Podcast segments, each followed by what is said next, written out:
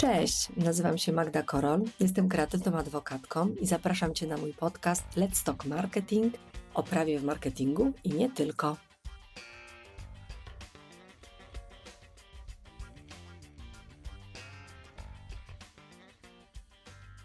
Witam Was w podcaście Let's Talk Marketing Magda Korol o prawie w marketingu i nie tylko. Rozpoczynam nową formułę. Tak naprawdę nie będę już przysłowiową gadającą głową, tylko chciałabym urozmaicić mój podcast rozmowami z ciekawymi osobami, z ciekawymi ludźmi. I tak naprawdę dzisiaj na tapet biorę osobę, która ma wieloletnie doświadczenie w pracy agencji, którą znam i prywatnie, i zawodowo, i wiele miałyśmy fantastycznych rozmów, dlatego stwierdziłam, że ta pierwsza moja rozmowa musi być taką rozmową istotną, na luzie, żebyś, żebyście zorientowali się, czy ta formuła w ogóle się e, Wam podoba, czy Wam się sprawdza. I tą osobą jest Dorota Woźniczka z agencji Tigers, kobieta petarda, która na pracy agencyjnej zjadła zęby. E, dzień dobry, Doroto. Cześć Magda, e, dzień dobry wszystkim i od razu dziękuję. Czuję się mega wyróżniona, że mogłam być tą pierwszą gościnią w Twoim podcaście. Właśnie, jesteś moją gościnią i przypomnę, że kocham feminatywy, nie zawaham się ich użyć. Bardzo dobrze, że to zaznaczyłaś. Moją gościnią jest Dorota Woźniczka. I Doroto, ja chciałam zapytać się Ciebie, zadam Ci takie przewrotne pytanie. Pracujesz w agencji.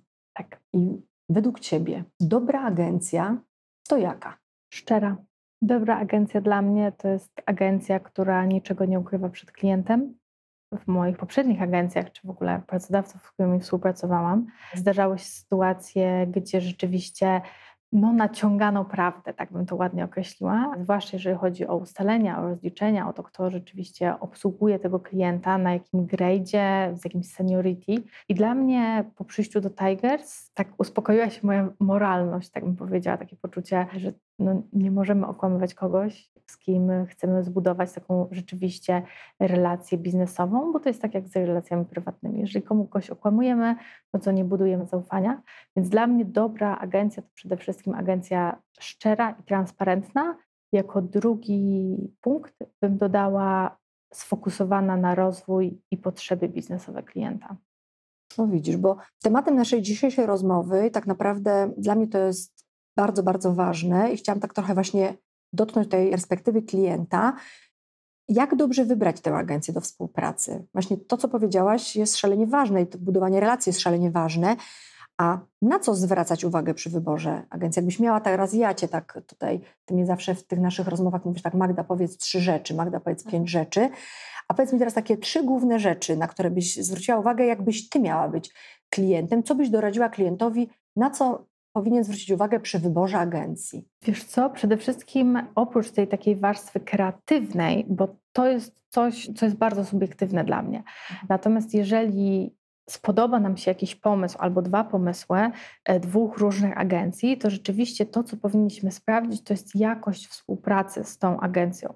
Od procesu sprzedażowego, czy mieliśmy z nimi kontakt, czy oni nic nie ukrywali, czy od razu zaproponowali takie odpowiedzialne podejście w stylu dobra, NDA, wchodzimy na konta, sprawdzamy, nie obiecujemy ci gruszek na wierzbie i czy ta szczerość w relacji już była na poziomie sprzedażowym, takim informacyjnym. Druga rzecz, która dla mnie jest szalenie istotna, to jest pojęcie biznesowe, taka, taka wiedza biznesowa u każdej osoby, która będzie z nami pracować. Bo nieważne, czy to jest specjalista, czy to jest account manager, jakby rozmawiamy o biznesie. Marketing jest od tego, żeby wspierać sprzedaż i biznes. Więc jeżeli rozmawiamy tylko na poziomie jakiejś kreacji, kreatywności, jakichś ciekawych rozwiązań, ale agencja nie potrafi twardo powiedzieć, jak przyłoży się to na biznes, to dla mnie to jest trochę taka sfera zbyt artystyczna, za mało biznesowa, a wydaje mi się, że już era tego pojęcia, że marketing musi być kreatywny i zaskakujący, minęła i mam taką nadzieję, że będziemy się bardziej skupiać na tym, że marketing jest wsparciem sprzedaży, wsparciem osiągania wyników biznesowych, a nie tylko taką enigmatyczną, artystyczną częścią. Więc na to bym zwróciła uwagę. I trzecia rzecz, która e, też e, dla mnie jest szalenie istotna, to ja bym poprosiła o referencję. Po prostu od innych klientów. I to referencje na poziomie tych samych jakby grade'ów wielkości firmy. Czyli jeżeli pracujemy z korporacją, to ja bym zaznaczyła, że potrzebuję referencji mniej więcej od takich i takich klientów. Agencje też się chwalą, z kim pracują, więc my możemy wskazać po prostu, które referencje nas interesują. Oczywiście nie zawsze jest to wykonalne ze strony agencji w 100%, ale sprawdziłabym, bo jeżeli agencja się chwali referencjami od małych, średnich firm, a my jesteśmy gigantem globalnym, to te potrzeby nasze są zupełnie inne. Więc ja bym te referencje też pozycjonowała na takim podobnym stopniu zaawansowania biznesowego. Rozumiem. Ale ciekawej rzeczy dotknęłaś, mianowicie tych oczekiwań klienta. Słyszałam kiedyś taką fajną anegdotę, że jeden marketing manager współpracował barterowo z siłownią. No i w zamian za karnet na siłownię, on miał prowadzić działania w social mediach dla tej siłowni. No i po miesiącu przychodzi właściciel tej siłowni i mówi: Panie, załóżmy, niech to będzie Stefan, Panie Stefanie, gdzie są efekty tych Pana działań marketingowych, gdzie jest ta konwersja? Na co pan Stefan podnosi koszulkę do góry i mówi: Przepraszam, drogi mm, właścicielu mm, siłowni, ale gdzie jest mój kaloryfer na brzuchu? I to mi, to mi absolutnie dało do myślenia, bo klienci jednak bardzo szybko oczekują tych efektów, a jednak to musi trwać. Tak jak dobrze obie pracujemy w marketingu, wiemy, że to musi trwać. W jaki sposób warto zakomunikować klientowi, że no słuchaj, no to zajmie trochę czasu, nie? I to nie uda się zrobić tej konwersji w ciągu miesiąca. Czy wy macie jakieś nie wiem, co byś doradzała, jakieś, nie wiem, informacje, procedury, komunikaty do tego klienta, żeby jednak on się uzbroił w tą cierpliwość. Wiesz co, ja z kolei znowu posłużę się tym razem ja metaforą. Ja bardzo lubię rozmawiać z klientami, rzeczywiście mam z nimi styczność również na tym etapie sprzedażowym. Lubię z nimi rozmawiać na takich porównaniach, że marketing to jest maraton, to nie jest sprint, to nie jest jedna akcja, którą robimy na miesiąc, bo wyłuskaliśmy jakiś budżet i mamy budżet na miesiąc, a chcemy zrobić absolutnie wszystko i mieć od razu efekty sprzedażowe. To są lepsze, lepsze metody wydania tych pieniędzy, bardziej skuteczne. Natomiast rzeczywiście uświadamianie klientowi już na tym procesie sprzedażowym, że słuchajcie, to będzie trwało, że ta współpraca ma swoje etapy które musimy jakby zaadresować, żeby w ogóle te efekty biznesowe były na koniec roku na przykład um, no, widoczne. Tak? My mamy opracowany w Tigers, zresztą e, może, nie, może ja opracowałam, bo nie będę, nie będę skromna w tym podcaście. Nie bądź, nie bądź. Taką naszą wewnętrzną trochę procedurę, trochę taki drogowskaz, nazywamy to rokiem tygrysa. I to jest taki proces, który pokazuje rozwój klienta na przestrzeni 12 miesięcy. I oczywiście my mamy akcje szybkie, akcje takie, wiesz, miesięczne, dwumiesięczne, ale to są kampanie. Ale jeżeli mówimy o takim stabilnym i rzeczywiście efektywnym, przewidywalnym rozwoju biznesu, to my od razu traktujemy klienta jako klienta długoterminowego. Zresztą tak jak wspomniałeś z kolei w, w, moim podcaście, zawieramy te umowy bezterminowe albo długoterminowe, żeby od razu już na poziomie samej umowy rozmawiać o tej szerszej perspektywie. I teraz rzeczywiście w tym roku Tygrysa mamy perspektywę tygodniową, czyli co się będzie działo w każdym tygodniu. Mamy perspektywę miesięczną, mamy perspektywę kwartalną i roczną. Dlaczego? Dlatego, że te działania cotygodniowe to są bardziej takie taktyki działania, takie już teraz jak to ja się śmieję, step by step, trust the process, czyli właśnie te tygodnie to są właśnie te, te poszczególne kroki. Natomiast my z klientami od samego początku rozmawiamy o perspektywie kilku, kilkunastu miesięcy, no bo zwiększenie, jak to często marketingowcy mówią, świadomości marki, coś, co jest często niepoliczalne, po prostu trwa, ale rzeczywiście, jak patrzymy nawet na lejek sprzedażowy, tak, to najpierw musimy złapać tych ludzi. Żebyśmy zapamiętali markę, to tych komunikatów musi być średnio od 7 do 27 razy musimy się spotkać z marką. To pokazują badania, więc nie jesteśmy w stanie zrobić tego w ciągu jednego, dwóch dni. Więc myślę, że takim tipem to jest przede wszystkim od razu mówienie o dłuższej perspektywie, ale żeby się nie zapędzić, nie powiedzieć, dobra, za 12 miesięcy będziemy mieć to, to i to, to ja każdą taką ścieżkę dzielę na milestony, żeby klient wiedział, ok, w pierwszym miesiącu skupiamy się na tym. W kolejnym, ponieważ już mamy to zaadresowane, skupiamy się na następnym. To pozwoli nam przejść do kolejnej rzeczy, czyli takie, wiesz, patrzenie długoterminowe, ale podzielone na krótsze odcinki czasu, żeby też uniknąć tej sytuacji, że klient, to też jest notoryczne e, z tego, co słyszę po prostu od, e, od naszych klientów, którzy mówili, że mają złe skojarzenia z agencją, że oni na początku miesiąca dostawali raport, na koniec miesiąca fakturkę i w zasadzie nie było wiadomo, co się dzieje. Właśnie nie, trzeba tą współpracę podzielić na pewne etapy, bo one dają poczucie bezpieczeństwa klientowi, że on wie, co się dzieje, wie, że osiągamy kolejne szczebelki w drabince, żeby na koniec mówić o tym efekcie, na który się umówiliśmy za jakiś tam okres czasu. No tak, ale to jest ciekawe, co powiedziałaś, bo faktycznie klient, który dostaje dwie interakcje od agencji na początku i na końcu miesiąca, on to nie jest dobrze poinformowany klient, nie? To tak jak w każdej branży, ja mogę też powiedzieć w branży prawniczej, nie? No, po prostu ta komunikacja z klientem jest kluczowa, bo ona właśnie buduje tą relację o której już wielokrotnie rozmawiałyśmy, nie? Ta relacja i to właśnie zaufanie jest y, kluczowe, ale ja Ci zadam, Dorota, takie podchwytliwe pytanie, bo jak doskonale wiesz, ja jestem ogromną fanką specjalizacji. I my jako Creative Legal się mocno specjalizujemy, właśnie chociażby w obsłudze agencji marketingowych. Czy Ty uważasz, że agencja powinna mieć swoją specjalizację? A jeżeli, no bo jest tych agencji bardzo dużo, prawda? Są agencje marketingowe, reklamowe, mhm. eventowe, brandingowe, digitalowe, kreatywne. Więc e, tego jest bardzo, bardzo dużo i tak naprawdę klientowi ciężko nadążyć za tym, co ta mhm. agencja robi. Czy agencja powinna się jednak tak mocno specjalizować, czy raczej powinna mieć ileś tych nóg, żeby móc kompleksowo świadczyć usługę? Jaka jest Twoja optyka? Wiesz co, ja mam taką, popatrzę z perspektywy klienta, bo ja mam też przyjemność jakby działać z marką po stronie klienta, e, nawet obecnie, więc mam na bieżąco po prostu te dwie perspektywy. E, natomiast rzeczywiście to, czy agencja specjalizuje się w jednej rzeczy, czy w wielu, dla mnie jest wtórne. Najważniejsze dla mnie jest to, czy się potrafi komunikować po prostu.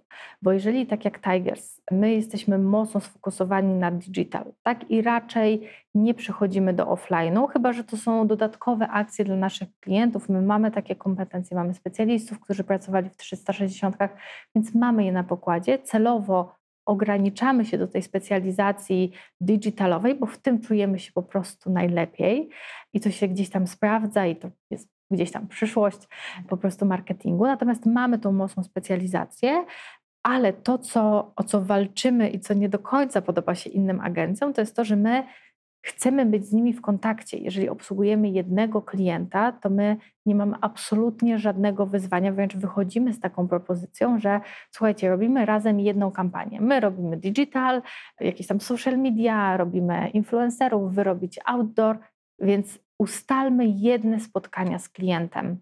Tak, żeby po pierwsze było mu wygodniej, no bo zawsze to jest godzina, wiesz, w tygodniu, a nie rozbicie na kilka spotkań.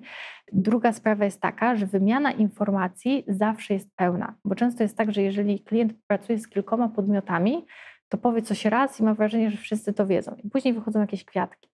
Więc jeżeli agencja ma jakąś specjalizację, to moim zdaniem powinna mieć też duży fokus na komunikację z innymi podmiotami, z którymi pracuje klient i co ważniejsze, powinna też ten kontakt trochę wymuszać na kliencie, że hej, gramy do wspólnej bramki, bo to jest znowu ta oznaka dobrej agencji. Czy gramy do wspólnej bramki, czyli rozwijamy biznes, czy tylko chcemy się pochwalić czymś, co sami zrobiliśmy. Natomiast są takie agencje, i one są świetne i są też na, na polskim rynku, które mają w swoim działaniu albo kilka spółek, po prostu są spięte taką parasoldowym holdingiem i to są na przykład agencje digitalowe, PR-owe, eventowe, jakby to spina jeden, jeden brand, e, albo mają po prostu zespoły, które się specjalizują. Natomiast tu znowu dotykamy komunikacji. Jeżeli te zespoły czy spółki ze sobą walczą na przykład o budżet wewnętrzny, bo taka sytuacja też się często dzieje, no to nie ma to racji bytu. Więc jakby przede wszystkim komunikacja, i takie nacechowanie, ej, mamy biznes do zrobienia, a nie przekrzykiwanie się, bo później wszyscy będziemy otwierać szampana, to jest coś dla mnie dużo ważniejszego niż to, czy iść do agencji, która ma silną specjalizację, czy do takiej agencji, która ma absolutnie wszystko, bo to wszystko da się spiąć na koniec dnia. No w sumie ciekawe spostrzeżenie, bo nigdy nie podejrzewałam, że spółki, które są w jednej grupie, są w stanie ze sobą rywalizować, ale to makes sense. Jestem adwokatką, muszę Cię o to zapytać. Twój stosunek do umów marketingowych. Ja kocham umowy. Nie, no całkiem poważnie. Wiesz, ja teraz pracuję trochę na styku rzeczywiście marketingu, sprzedaży, działań operacyjnych i tak dalej, i tak dalej, więc ta moja specjalizacja się zmienia w zależności od potrzeb. Natomiast przez przeszło 10 lat pracowałam stricte po prostu obsługując klientów, a ostatnie 3 lata zarządzając zespołem. No i wyobraź sobie sytuację, że nagle masz 11 osób i nagle, wiesz, jak wybucha kryzys, to wybucha wszędzie. I ty jesteś jedna i masz 11 bardzo kompetentnych, ale jednak trochę spanikowanych osób. I to rośnie. I jak po prostu kula śniegowa. Więc pierwsze, do czego ja sięgam, to są umowy. Bo jeżeli klient zaczyna mieć pretensje do nas, jako do agencji na przykład, że, nie, że jakby umówiliśmy się na coś innego, to dla mnie podstawą jest umowa. Jeżeli klient zaczyna też kręcić, jeżeli chodzi o koszty, bo takie rzeczy też się zdarzają, albo po prostu wysyła nam poprawki do poprawek, do poprawek, do poprawek i to nie są kosmetyczne poprawki, tylko nagle wyrzucenie wszystko w, po prostu w kosmos, to dla mnie podstawą w ogóle rozmowy z klientem jest umowa. Więc dla mnie ta umowa, ja, nie, ja się śmieję, że ja, ja i mój zespół nie zaczynamy pracy bez podpisanej umowy. Po prostu.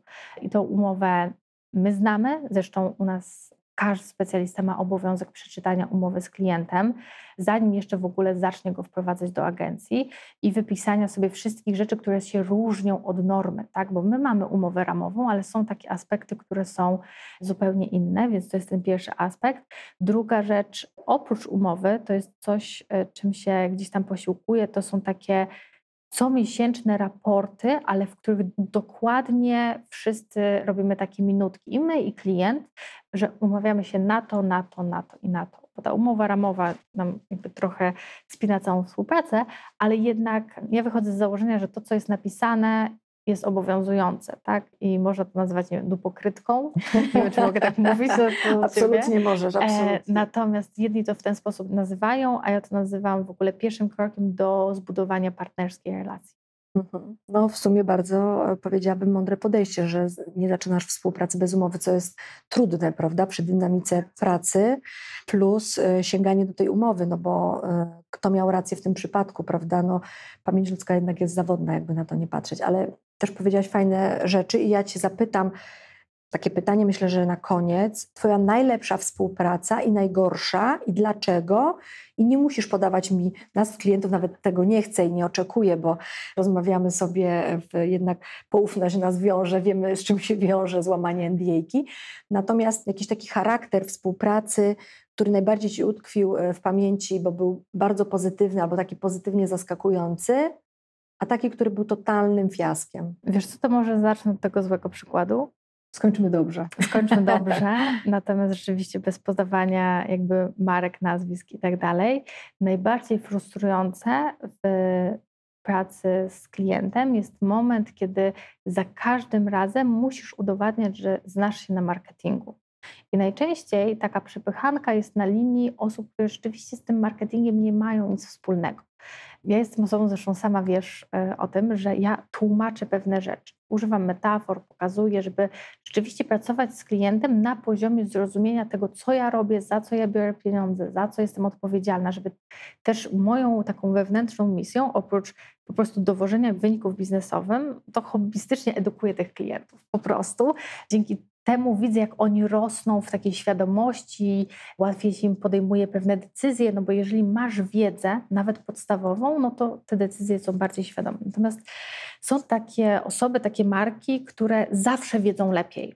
I dochodzi czasem do takich, takich spięć, gdzie ja mówię, no słuchajcie, wy się znacie na swojej robocie X, Y, Z, ja się znam na marketingu. Jeżeli mamy swoje robocze godziny spędzać na po prostu bezsensownej wymianie zdań i podważaniu każdej rzeczy, to po co Wam jest agencja? Jeżeli przez dwa miesiące nie jesteśmy w stanie dotrzeć do jakiegoś konsensusu, my robimy to zgodnie ze sztuką, ja robię to zgodnie ze sztuką i potrzebuję trochę Waszego zaufania i takiego partnerskiego podejścia, ale Wy na przykład nie jesteście w stanie, bo Wam się po prostu wydaje, czujecie inaczej, to albo nie potrzebujecie pracy z agencją, tylko może wewnętrzny dział marketingu, może sami powinniście się tym zająć, albo my, albo ja nie jestem w stanie spełnić Wasze oczekiwań, bo na przykład jest to zupełnie sprzeczne z tym, jak działają, nie wiem, media społecznościowe, jak działają kampanie reklamowe. W sensie jest to totalny gdzieś tam